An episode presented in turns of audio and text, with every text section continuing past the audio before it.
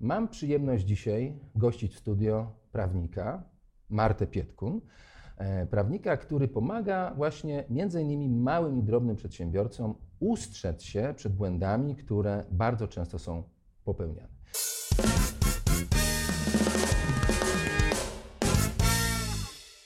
Witaj Marto. Witam Wiesz serdecznie. co, ja bym chciał rozpocząć od takiego pytania, które ciśnie się na usta na samym początku. Powiedz mi, jak wybrać dobrego prawnika? Bo bardzo często jest tak, że e, moi znajomi udają się do prawnika dopiero wtedy, kiedy sprawa już jest tak zagrzebana, że mało co da się zrobić.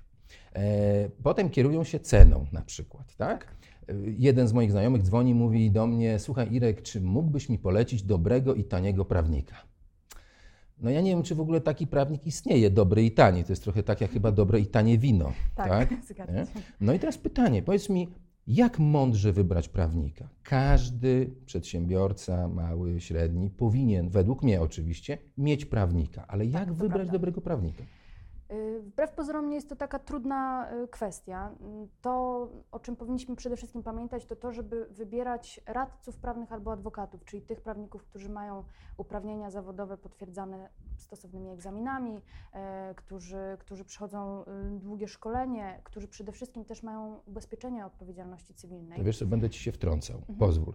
Czyli jeżeli na przykład, nie wiem, chcę wybrać prawnika, to najpierw tego prawnika muszę zweryfikować, czyli, czyli zadać mu pytanie, tak? Czyli jakie pytania muszę zadać temu prawnikowi, żeby no, jakoś go zweryfikować. Znaczy wiesz, jak ja bym po pierwsze wybre, wy, wybierał prawnika, to wybierałbym z rekomendacji, tak? Czyli spytałbym się kogoś i wy, wy, wybrał takiego człowieka, którego ktoś mi poleca, rekomenduje. Jasne. Ale jeżeli nie mam takiego prawnika, to co powinienem zrobić? Przede wszystkim należy tego prawnika spytać właśnie, czy jest adwokatem albo radcą prawnym. Możemy też poszukać w internecie, są ogólnodostępne strony zarówno samorządu radcowskiego, jak i adwokackiego, na którym jest cała lista adwokatów, radców prawnych z danego regionu. Mhm. Należy wystrzegać się y, różnych dziwnych biur pomocy prawnej, w których nie pracują adwokaci radcowie prawni, właśnie z tego względu, że jeżeli taki prawnik popełni błąd, to nie będziemy mogli uzyskać od niego odszkodowania, które, które pokryje naszą stratę, a od radcy prawnego bądź adwokata tak.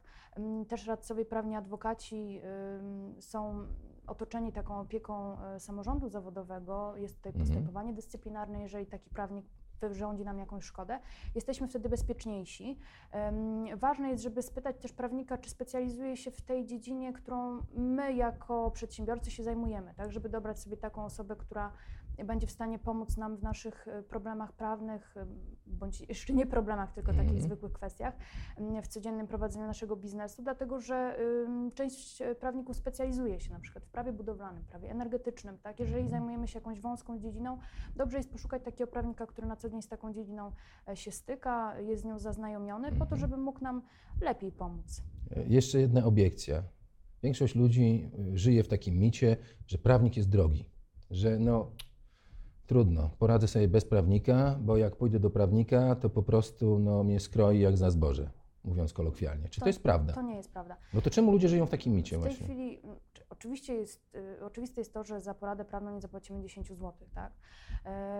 Ale idąc na przykład do lekarza prywatnego, też nie spodziewamy się, że on nas przyjmie za 10 zł, tak? No, usługa profesjonalna niestety wiąże się z pewnymi kosztami. My musimy się bardzo długo szkolić, ponosić koszty związane z naszą edukacją i oczywistym jest to, że, że gdzieś tam kalkulujemy to w tej cenie, którą za poradę prawną od klienta bierzemy. Natomiast y, nie jest prawdą, że te ceny są bardzo wygórowane. Ceny Mhm. są przystępne.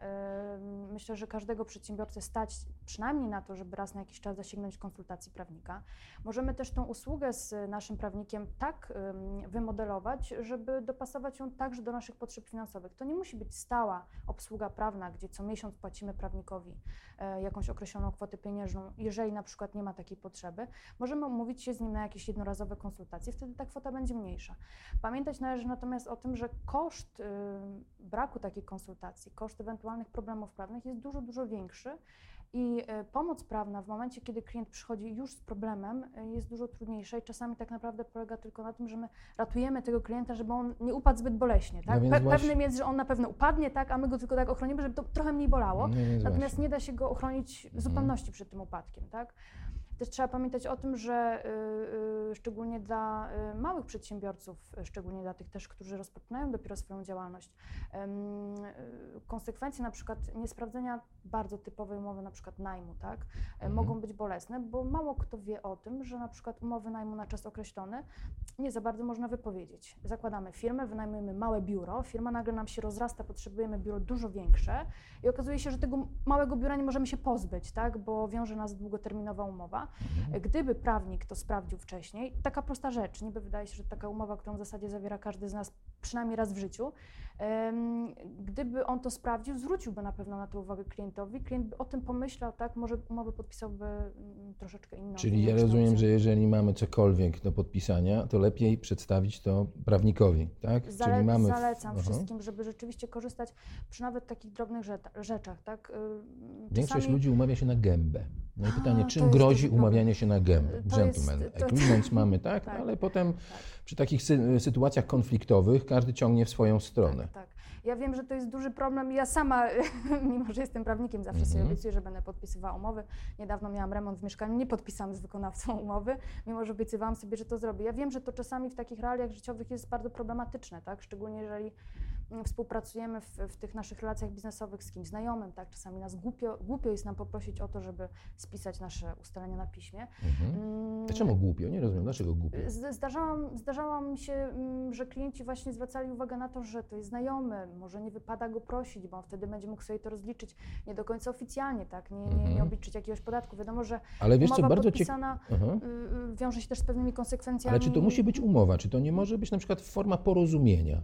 Ja, ja czasami na przykład w, mam takie sytuacje w swojej organizacji, gdzie nie ma konieczności podpisywania umów typowych, ale dochodzi do podpisania porozumienia. Tak, Czyli jak tak. rozumiemy, tak, czy dobrze Tak, żeśmy tak, tak. zrozumieli te ustalenia, które, których żeśmy dokonali. Bo według mnie, i ja wielokrotnie się w życiu o tym przekonałem, że ludzka pamięć jest zawodna. Jest, niestety, że tak. na przykład jak nie spisywałem takich porozumień, potem dochodziło do konfliktu, to tłumaczenie drugiej strony było takie, że ale ja myślałem, y, ja to zupełnie inaczej zinterpretowałem, bo ja myślałem, że tobie chodzi o to czy o to, tak? Tak. A jak teraz mamy to na piśmie, no to już no, pamięć ma, dos- to znaczy papier, papier ma doskonałą pamięć y, i już wtedy no, nie ma. To jest prawda. Aha. Takie różne ustalenia w, w, związane z negocjacjami, związane z, z, z porozumieniami powinny być potwierdzone na piśmie. I to nawet nie musi być taka forma, że siedzimy i podpisujemy jakiś protokół negocjacji, ale może być zwykły nawet mail wysłany po rozmowie z klientem, Mhm. z kontrahentem, tak? Gdzie piszemy... Czyli ja rozumiem, że jeżeli e, wysyłam mail, że ustaliliśmy tak, tak. to, to, to i to, Podsumowując spotkanie, przesyłam kilka informacji, tak? Że no, w razie sporu sąd to weźmie pod uwagę maila? Y, Na pewno Treść, treść tak, maila? tak, jak najbardziej. W, Aha. w tej chwili w, w procesach sądowych y, możemy jako dowody przedstawiać różne rzeczy, tak? SMS-y, maile. y, SMS-y również? Tak, jak Bardzo najbardziej, ciekawe. tak.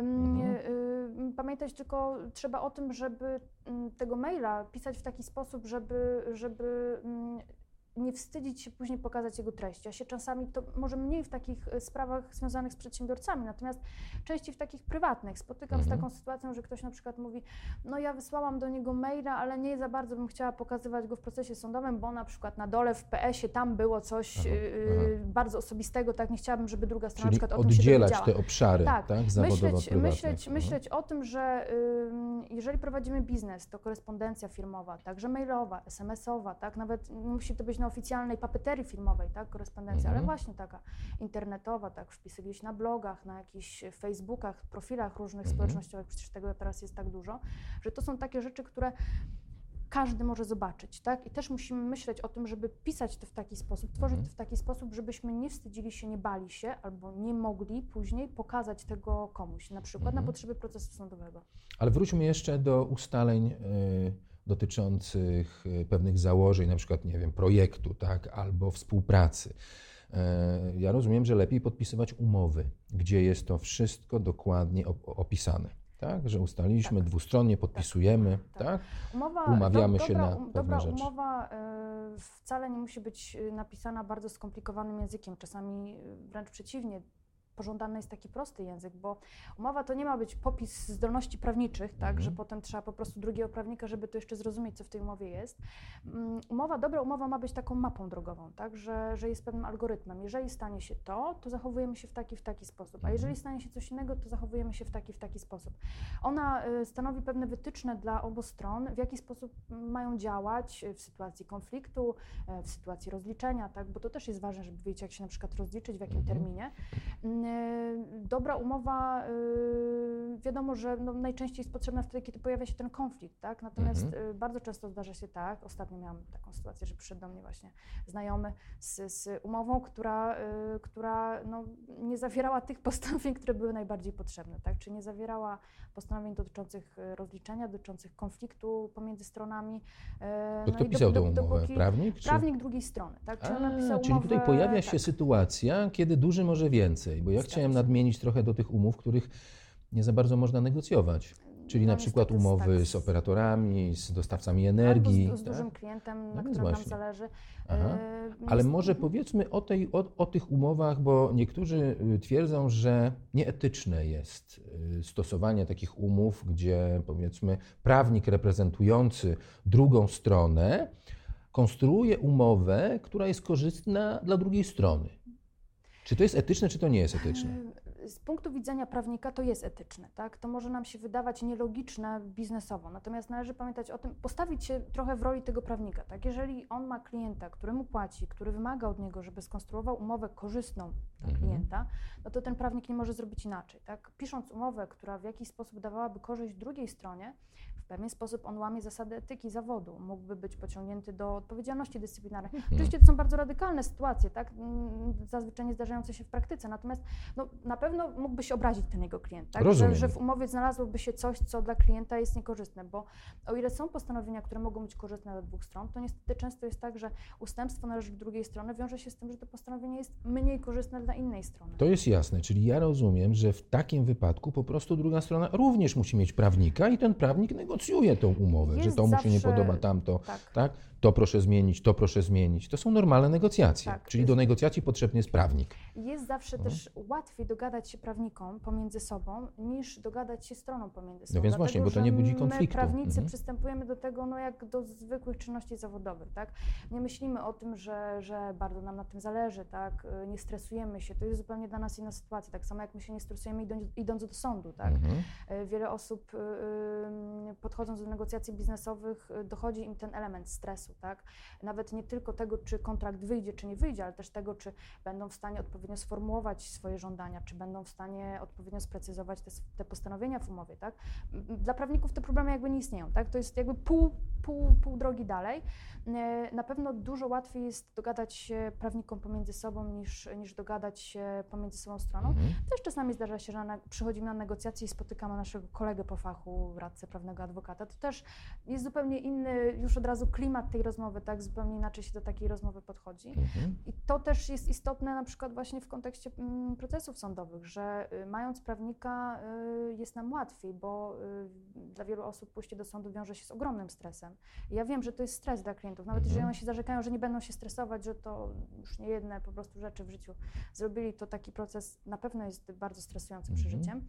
E, Nie tylko ze względu na to, czy się uda, czy się nie uda, ale też ze względu na to, że wiele osób na przykład nie wie, w którym momencie wstać, nie wie, gdzie usiąść, nie wie, co powiedzieć, nie wie, co powiedzieć, e, w którym momencie, tak? E, Stresują się, zapominają pewne rzeczy powiedzieć, a czasami już nie ma możliwości, żeby do pewnych kwestii w procesie sądowym wrócić. Dla prawnika to jest jakby mm, też Mhm. łatwiej, tak? Wróćmy jeszcze na pole mm, przedsiębiorca-przedsiębiorca. Dwie strony. Powiedz mi, czy z Twojego doświadczenia radcy prawnego zauważyłaś coś takiego, że trochę inaczej ja jako przedsiębiorca jestem odbierany przez drugą stronę, jeżeli mam prawnika? Czy to pomaga? E,